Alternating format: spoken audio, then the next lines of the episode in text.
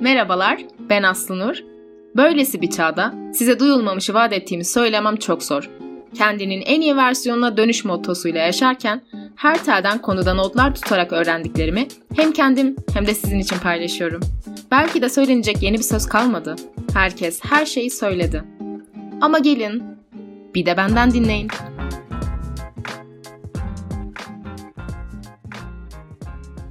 Birinci kısımda filme başlamadan önce yani daha doğrusu tam başlamadan önce neler olduğundan bahsettik. İnsanlar ve makinalar arasında neler olduğundan yani. Şimdi artık söylersem tam spoiler olur dediğim yerden devam ediyorum. Hatırlıyorsanız kahin mimara bir tavsiyede bulunuyordu. Burada da verilen tavsiye kahin tarafından mimara iki tane simülasyon tasarla diyor. Birincisi zorunlu olarak içerisinde yaşadıkları zaten bilinen yapay dünya. Diğer ise Zion. Çünkü aslında hiç bahsedilmiyor çünkü spoiler. Zion da başka bir simülasyon. Bu kurgulanan genel program mutsuz olan insan kesimini Zion'daki simülasyona yönlendiriyor.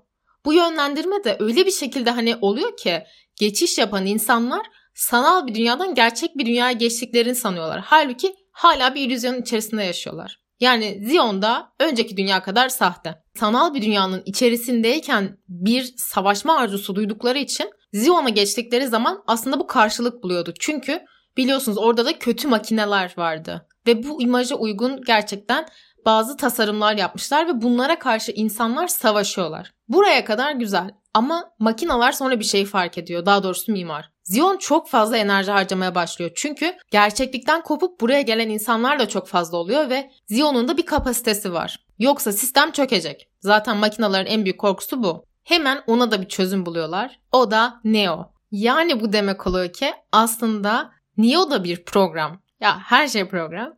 Neo sadece sanki e, mimar ve kahinin ortak çocuğu gibi düşünebilirsiniz. Bu Neo programının olayı da şu. Şimdi sistem çok fazla insan birikince Zion'da kararsız bir hale geliyor. Bu da genel sistemi tehdit ediyor. Bunu anlıyor makineler. Zaten Matrix programına insanların %99'u adapte oluyor ama %1'i reddediyor bunu. Neo yaratıldıktan sonra program olarak bu %1 olan anormallik tamamen Neo'ya özel bir kodla kodlanıyor. Zaten Neo'nun programının adıysa Prime program. Özetle Neo aslında Matrix programının içerisindeki bütün anormalliklerin toplamı. The One denmesinin sebebi de oradaki %1'lik anormalliği temsil etmesi. Ve Prime programı sisteme şunu kodluyor. Sizi kurtaracak bir kurtarıcı gelecek. Yani bir Mesih bekliyorlar. Ortada sürekli öyle bir kehanet var.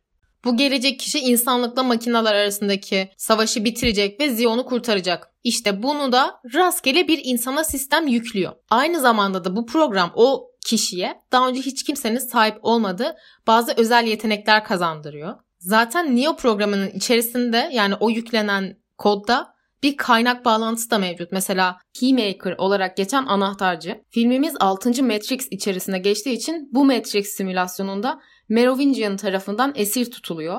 Ama Neo, Morpheus, Trinity bu muhteşem üçlü onu kurtarıyor. Anahtarcının olayı aslında seçilmiş kişiye kaynağın yani mimara giden yolun kapısını açacak olan program olması. Bir nevi kısa yol gibi düşünebilirsiniz bunu sistemde. O olmadan hiçbir şekilde mimara ulaşılamıyor.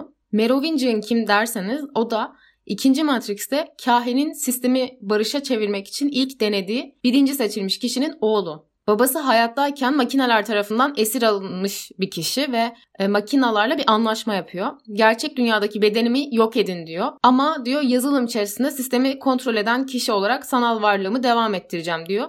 Yani eski ve güçlü bir program aslında Merovingian. Kendini de bilgi kaçakçısı olarak tanımlıyor. Güçlü bir şekilde baya böyle organize bir suç örgütü lideri aslında kendisi. O ve karısı Persephone Matrix'teki sürgün programları için aslında bir sığınak sağlıyor ve kaçakçılık çetesi işletiyorlar. Tabi teslim etmiyor anahtarcıyı ama daha sonra sevgilisi onlara yardım ediyor ve kurtarıyor. Artık oraları hatırlıyorsunuzdur filmden.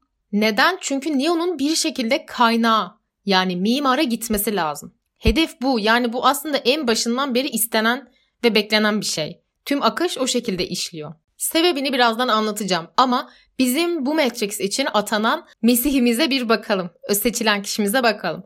Hepimiz biliyoruz zaten. İsmi başrolün Neo ve Keanu Reeves oynuyor tabii ki. Yani süper bir insan gerçekten kendisi. Hani hem Neo olarak zaten süper hem de gerçek hayatta çok süper bir insan.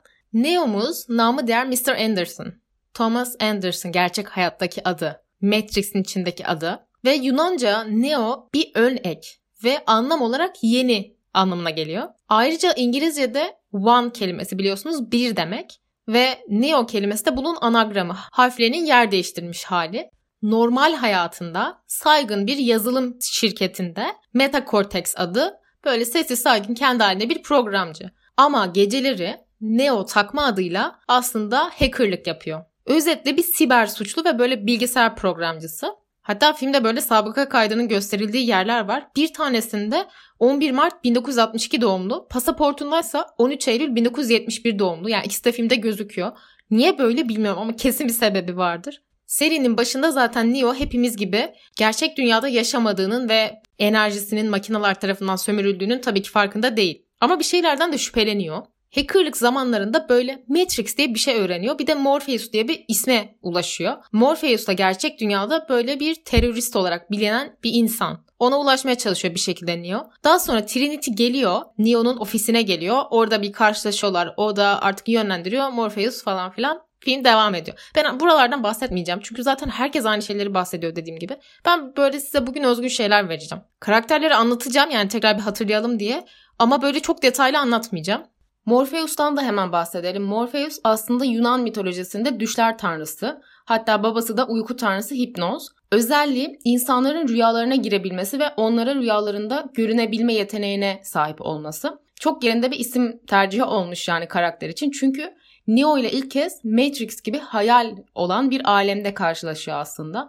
Gerçek dünya ile Matrix arasında da seyahat edebiliyor. Morpheus Nebuchadnezzar gemisinin kaptanı aslında tüm bu tantanadan önce kendisi normalde Matrix'te yaşayan bir insandı. Daha sonra serbest kalıyor ve tüm hayatını aslında Zion'u korumaya ve insanları Matrix'ten kurtarmaya çalışmakla geçiriyor. Sırf bu yüzden de zaten Matrix'te kendisi bir terörist olarak tanınıyor.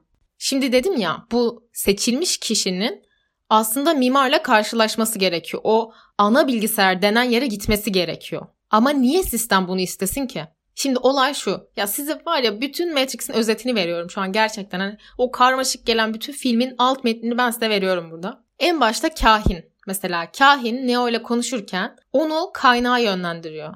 Ve onu mesela insanlığı kurtaracağına da en sonunda inandırıyor. Bu Prime programının aslında bir diğer özelliği ve bir nevi kontrol sistemi bu. Çünkü seçilmiş kişi hissine böyle özel bir vurgu yapılmak isteniyor ve aynı kişi tüm bu yolculuk sırasında yani tüm seri sırasında insanlığı o kadar benimsiyor ki onlara bağlanıyor. Kendisinin de gerçekten mesela biliyorsunuz en başta Neo kendisinin o insan olduğuna inanmıyordu. Ama zamanla evet diyor ben oyum ve bazı yetenekler kazanmaya başlıyor. Olaylar akıyor. Kendisinin seçilmiş kişi olduğuna gerçekten inanabilmesi ve insanlığa düşkün olması gerekiyor zaten. Zaten bunlara inandıkça da yetenekleri artıyor ve o kişiye dönüşüyor.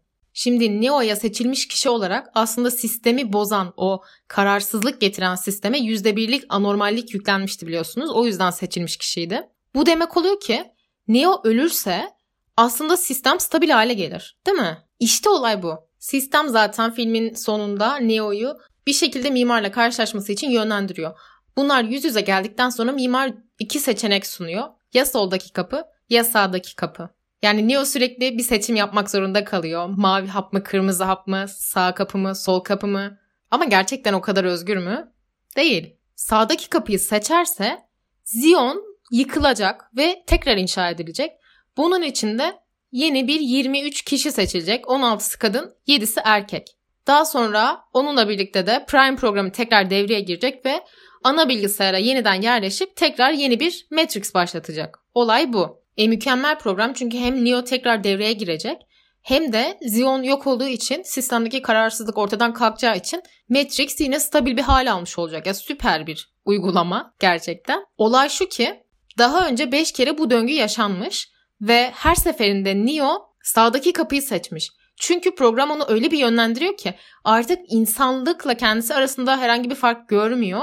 Sağdaki kapıyı seçmek demek zaten insan ırkının hala devam etmesi demek. Çünkü en azından 23 kişi seçiyorlar ve sistem devam ediyor. Peki soldaki kapıyı seçmesi ne demek? Eğer soldaki kapıyı seçerse Matrix tamamen çöküyor demek özetle.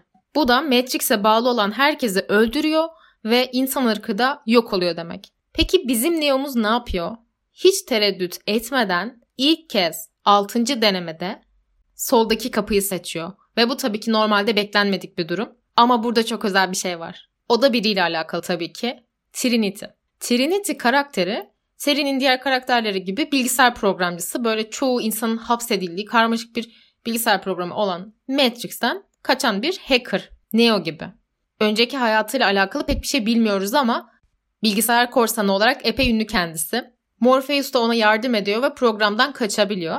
Morpheus'un Nebuchadnezzar adlı gemisinde de böyle eş danışman gibi bir görevi var esasında. Morpheus'la Matrix'ten kurtarmak istediği kişiler arasında arabuluculuk görevi yapıyor. Mesela orada da Neo'ya ulaşması gibi. Trinity neden önemli? Çünkü onun Neo ile bir bağı var. İkisi birbirine aşık. İşte sistemin öngörmediği şey bu. En son filmde zaten Trinity ölüyor. Neo da bu aşk yüzünden ve onu kurtarma isteği yüzünden başka bir yola sapıyor ve döngüyü kırıyor. Zaten yeni filmde de Trinity'yi görüyoruz. Hani nasıl geri döndü, ne oldu falan. Artık bunlar bir muamma şimdilik. Normalde önceden Neo sağdaki kapıyı seçiyordu. Zion sıfırlanıyordu ve 23 kişiyle devam etmeye başlıyordu. Bu da sistemi bir 100 yıl daha istikrarlı bir şekilde devam ettiriyordu. Hatta Neo'nun Zion içerisinden epey bir bilgi topladığı için onun sistemindeki bilgileri alıp yeni bir Zion tasarlamak için de kullanıyordu. Normalde Neo da bir makine olduğu için aşık olamaması gerekiyordu. Ama o aşık olabildi. Sistemine böyle bir update geldi herhalde yani artık bilmiyorum onu nasıl açıklayacağımı. O zamandan sonra aslında makineler aşık olabilir hale geliyor. Aynı zamanda da özgür iradenin insanlığın yaşamını sürdürmesinde böyle bir engel teşkil etmediği, aşkın özgür iradeyi dizginleyen bir şey olduğunu aslında anlıyorlar. Kim anlıyor? Tabii ki makineler anlıyor. Yani mimar sistemi yaratırken aşkı göz ardı etmiş. Bunu anlıyor. Zion'u da kendi idame ettirecek şekilde tasarlıyor. Bu da makinalarla insanların tekrar birlikte varoluşu için yeni bir sayfa açıyor Neo'nun sol kapıyı seçmesi. Ama bu nasıl oluyor anlamak için her şeyden önce Ajan Smith'i anlamak gerekiyor. Ondan şimdiye kadar bilerek bahsetmedim. Şimdi güzelce ayrı bir şekilde ondan bahsetmek istiyorum. Zaten görünüş olarak böyle çok meşhur. Beyaz gömlek giymiş, koyu yeşil takım elbise ve köşeli siyah gözlükler takmış. Böyle jilet gibi gözüken adamlar var. Bunlar Matrix ajanları. Ajan Smith de bunlardan biri. Filmin başında zaten diğerlerinden herhangi bir farkı yok. O da sıradan ve her biri zaten böyle tek bir zihne çalışıyor gibi düşünebilirsiniz. Birbirleriyle anında iletişim kurmalarını sağlayan böyle bir tür ortak bilinç var aralarında ve bunu kulaklıklarıyla yapıyorlar. Matrix ajanı dedik ama bunu ben özellikle açmak istiyorum. Çünkü Smith filmde çok ön planda olduğu için sanki tüm ajanlar da onun yapabildiklerini yapıyorlar gibi falan bir izlenim oluyor ama öyle değil. Hepsi bir nevi Neo'ya düşman zaten. Hani öyle düşünüyoruz ama onun sebebi de ayrı tabii.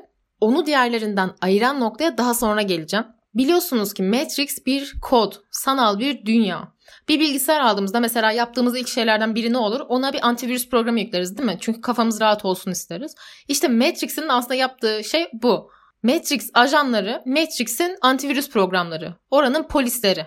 Matrix'i tehdit edebilecek herhangi bir şeyi asla göz ardı etmiyorlar ve onu hemen sistemden uzaklaştırıyorlar. Burada hemen bir mavi hap kırmızı hap olayını hatırlayalım. Morpheus ne diyordu? You take the blue pill, the story ends.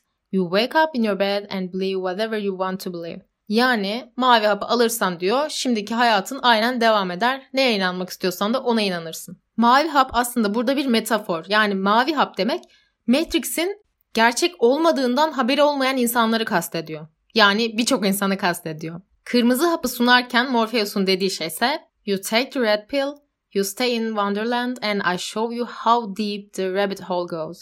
Burada da güzel bir Alice Harikalar Diyarı'nda göndermesi var. Zaten biliyorsunuz tavşanı takip ederek zaten Morpheus'a ulaşıyordu. Burada böyle tatlı küçük bir gönderme var.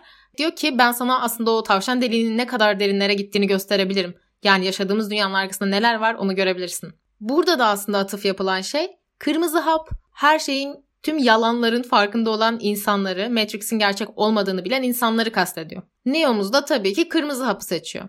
Zaten olaylar da oradan sonra başlıyor. İşte bu Matrix ajanlarının olayı bu red pills'leri bulmak, kırmızı hap insanları bulmak ve onları yok etmek. Hatta bir tek onları değil böyle hileli ve artık amacına hizmet etmeyen programları falan da yok ediyorlar. Hani Anahtarcıyı mesela yok etmeye çalışıyordu. Aslında onun sebebi bu. Bunlar fiziksel olarak aynı insana benziyor. Ama son derece böyle kesin ve mekanik hareketleri, konuşmaları var. Bir de insana kıyasla üstün yeteneklere sahipler. Böyle yapay zeka programları zaten bunlar. Ajanların en ünlü yeteneklerinden biri zaten possession denen ele geçirme haline sebep olan bir yeteneklerinin olması. İstedikleri kişinin yerine geçebiliyorlar yani birden biliyorsunuz. Ama bilinmeyen şu mesela ajan bir insanın yerine geçtikten sonra eğer o kılıktayken ölürse o kişi de ölüyor.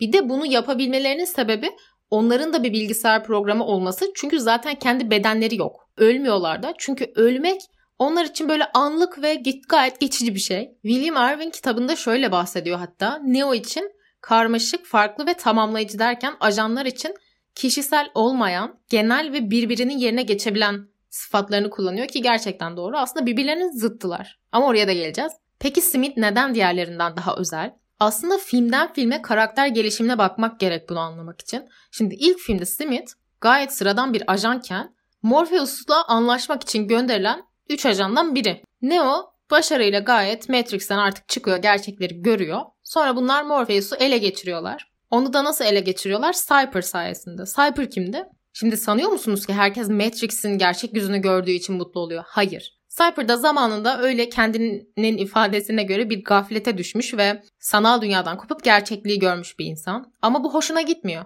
Daha sonra karar veriyor ki kendisi aslında Morpheus'un gemisindeki tayfadan biri ama ihanet ediyor ve Ajan Smith'le anlaşıp ben diyor sana Morpheus'u vereceğim ama sen de beni Matrix'e geri göndereceksin, hafızamı sileceksin. Çok ünlü ve zengin bir insan olmayı istiyorum diyor. Ama ondan önceki diyalogları çok güzel. Zaten çok meşhur. Restoranda geçen bir sahne bu. Bir şekilde herkesten habersiz çünkü tekrar Matrix'e giriyor. Orada Ajan Smith'le buluşuyor ve diyor ki biftek yerken. Biliyor musun bu bifteğin var olmadığını biliyorum. Bunu ağzıma koyduğumda Matrix'in beynime bunun sulu ve lezzetli olduğunu söylediğini biliyorum. 9 yıldan sonra ne fark ettim biliyor musun? Cehalet mutluluktur. Ya şimdi haksız diyebilir miyiz? Şahsen kimi zaman bu hisse ben de kapılıyorum. Ama yine de bilmeyi tercih ederdim gitme geliyor. Yine de gerçekten cahillik, mutluluk mu? Vallahi mutluluk ya. Sonuç olarak gerçekten Morpheus Smith'in eline geçiyor, ajanların eline geçiyor. Öğrenmek istedikleri şey de tabii ki bu sisteme dengesizlik getiren Zion denen yerin kodları. Çünkü Morpheus bunu biliyor. Orada Ajan Smith'in yaptığı bir konuşma var. Ya benim herhalde böyle en favori konuşmam olabilir gerçekten ilk filmde. Önce bir ilk Matrix'ten bahsediyor. Böyle her şeyin cennet gibi olduğundan ama onun işlemediğinden bahsediyor. Orada Smith insanların aslında gerçeklik dediği şeyin sefalet ve acıyla karşılık bulduğunu söylüyor. İnsanları kendi kafasında sınıflandırmaya çalıştığını ama bizim aslında memeli olmadığımızı söylüyor. Dünyada çünkü memelilere baktığınız zaman diyor dengeye bağlı bir politika izliyorlar. Ama insanda bu yok diyor ve sürekli çoğalarak ve her şeyi tüketerek var oluyorsunuz diyor. Hayatta kalmanızın da tek yolu başka kaynaklar bularak yayılmak olduğunu ekliyor. Şurası çok hoş. Diyor ki bunu yapan başka bir şey daha var diyor. O da virüsler diyor. İnsanlığı bir hastalık olarak gördüğünü söylüyor ve çaresi de biziz diyor. Çünkü onlar zaten hani gerçek insanları aslında yok ediyor. Sonra burada kişisel bir şeyden bahsediyor. Bu motivasyon aslında belki de onu daha diğerlerinden ayıran bir özellik olabilir. Bu sistemde olmaktan artık hiç mutlu olmadığını ve nefret ettiğini söylüyor. Kurtulmanın da bir yolunu aradığını söylüyor ve aslında kurtulmasının yolu Zion'un kodlarını bilmesi. Yani aslında kendisi için öğrenmek istiyor kodları. Sonunda ne oluyor? Tabii hiçbir şey olmuyor. Morpheus kurtuluyor. Neo ile Smith dövüşüyor falan filan. Ama sonra o dövüşte Neo vuruluyor. Smith vuruyor onu. Ve Neo bir anlık ölüyor sonra diriliyor ve kahinin söylediği gibi gerçekten belki de yeni bir hayatında diyordu. Gerçekten yeni bir hayat buluyor ve o zaman artık işte gerçekten artık Mr. Anderson değil Neo'ya dönüşüyor. Tüm Matrix'in kodlarını görmeye başlıyor. Yani her şeyin yapay olduğunu, her şeyi artık çıplak gözleriyle görebiliyor. Bu da sistemi artık anladığı ve bir parçası olduğu için her şeyin üstesinden gelebileceği anlamına geliyor. Zaten Ajan Smith'in içine giriyor, onun kodlarını bozuyor ve onu parçalıyor filmin sonunda. Biz sanıyoruz ki Ajan Smith öldü. Hayır öyle bir şey yok. İkinci ve üçüncü filmde de karşımıza tekrar çıkıyor. Ama değişerek. Burada resmen hani upgrade olmuş, güncellenmiş bir şekilde karşımıza geliyor Smith. Önceden ortak bir bilincin bir parçasıyken şimdi tamamen kendisi oluyor ve tüm kısıtlamalarından kurtuluyor. Bunu da şöyle görebiliyoruz. Artık herhangi bir kulaklık takmıyor. Zaten ilk filmde de Morpheus'u tutarken bir ara kulaklığını çıkarıyordu ve onların Neo ve Trinity'nin kurtarmaya geldiğini Morpheus'u duymuyordu. Orada da işler karışıyordu. Ve artık koyu yeşil değil siyah bir takım elbise giymeye başlıyor. Aynı zamanda gözlüğünün şekli de değişiyor. Smith Neo ile bir bağlantısı olduğunu düşünüyor. Normalde eski veya arızalı programlar hani kaynağa gider. Orada da ana bilgisayarda gönderilip yok edilir. Smith'in de böyle ölmesi gerekiyordu. Ama o buna karşı koyabildi ve geri döndü. Ki bu daha önce olmamış bir şey. Artık Matrix ajanı değil, ajan tabanlı o yeteneğine kıyasla kendini kopyalayabilen bir programa dönüşüyor. Mesela bizi düşünelim. Sistemimizde haberimiz olmadan kendini kopyalayan ve sistemi de tamamen böyle ele geçiren yazılımlara ne diyoruz? Bilgisayar virüsleri. Yani artık sistemi koruyan bir şey değil, sistemi ele geçiren bir virüse dönüşüyor Ajan Smith. Bir de artık fiziksel varlığını böyle elini diğer bir varlığın göğsüne sokarak kendini kopyalayan bir canlıya dönüşüyor. Bir artık varlığa dönüşüyor öyle söyleyeyim. Çoğalabiliyor yani. Kendinden bir Smith ordusu yapıyor. Üçüncü filmde ne oluyor? Hem insansı olarak kopyalanmayı başarıyor hem de bu çekirdek ağ denen bu Matrix'in iç işleyişinin altında yatan temel üzerinde bayağı bir kontrol sahibi oluyor artık kendisi ve durdurulamaz bir hale geliyor. Hatta kahin Neo ile Smith'in artık eşit güçlerde olduğunu, Smith'in de Neo'nun negatif olduğunu söylüyor. Bunun sebebinin de Matrix'in aslında denklem olarak kendisini sürekli dengelemeye çalışan bir yazılım olması ve bunun sonucunda da Smith'in meydana gelmesi olduğunu söylüyor. Ve kahin Neo'ya diyor ki eğer durduramazsan Smith'i Matrix'i hem de gerçek dünyayı yok edecek bu. Zaten bundan kısa bir süre sonra Smith geliyor ve kahini de ele geçiriyor. Ama şunu da eklemek lazım. Smith normalde hani herkese böyle çok yüksekten bakan ve kibirli bir insan, bir yazılım. Ama tek biraz çekindiği ve saygı duyduğu kişi aslında kahin. Sonra artık 3. filmin sonunda Smith ve Neo bayağı böyle bir dövüşe giriyorlar. Orada artık Smith'i yenemeyeceğini anlıyor Neo. Hatta Smith diyor ki başlangıcı olan her şeyin bir sonu vardır Neo diyor. Orada ilk kez Neo'ya adıyla sesleniyor. Yani onun aslında seçilmiş kişi olduğunu kabul ettiği tek an o. Neo da anlıyor hani dövüşerek onu yenemeyeceğini. Smith'in kendi kodunun üzerine yazmasına izin veriyor. Şimdi normalde ne dedik? Neo bir anomaliydi yani anormal olan şeydi Matrix'in içinde.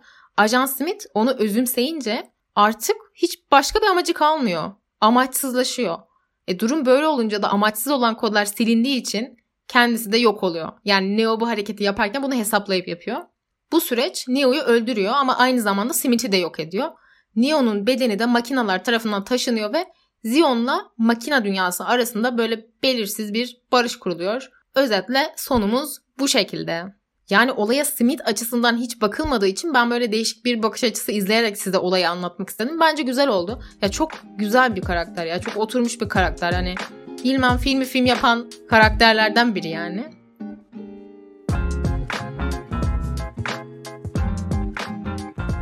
Valla koskoca Matrix evrenini bitirdik anlattığımız zannediyorum her şeyi. Bir de biliyorsunuz bölümünü de yaptım. Metaverse falan şu an çok popüler. Hatta H&M Metaverse'de mağaza açmış. Geçenlerde bir çift Metaverse'de evlendi falan. Böyle şeyler oluyor. Olmaya başladı yani. İnsan tüm böyle bunları düşünce bir ürpermiyor değil hani. Sanki o da bir çeşit Matrix gibi. Ama artık göreceğiz. Yani benim görme ihtimalim düşük de genetik miras yüzünden hafif bir geriliyor olabilirim. Onun dışında vallahi filmi sabırsızlıkla bekliyorum. Zaten 22 Aralık'ta çıkacak film. Yine böyle Christmas zamanına yakın şeyler. Ya o zaten bilerek seçiyorlar yani bu zamanları. Filmin çıkış tarihlerini de önemsiyor. Matrix yapımcıları mı diyeyim artık. Yine tam bilmiyorum ama pandeminin başından beri falan bekliyoruz hani bu filmin çıkmasını. Epey de uzun sürdü. Gecikti pandemi yüzünden. Beklentiler yüksek vallahi. Umarım hayal kırıklığına uğramayız. Ben yine çok heyecanlıyım. Bekleyip göreceğiz. Eğer bölümü beğendiyseniz arkadaşlarınızla bölümü paylaşıp Beni de etiketlerseniz çok sevinirim. Özellikle Instagram'da bulabilirsiniz. Bir de benden dinleyin podcast şeklinde. Spotify'da hesabı olmayanlar için ben YouTube'da da yayınlıyorum. Yine aynı isimle bulabilirsiniz YouTube'da da. Bir dahaki bölümde görüşünceye kadar kendinize iyi bakın.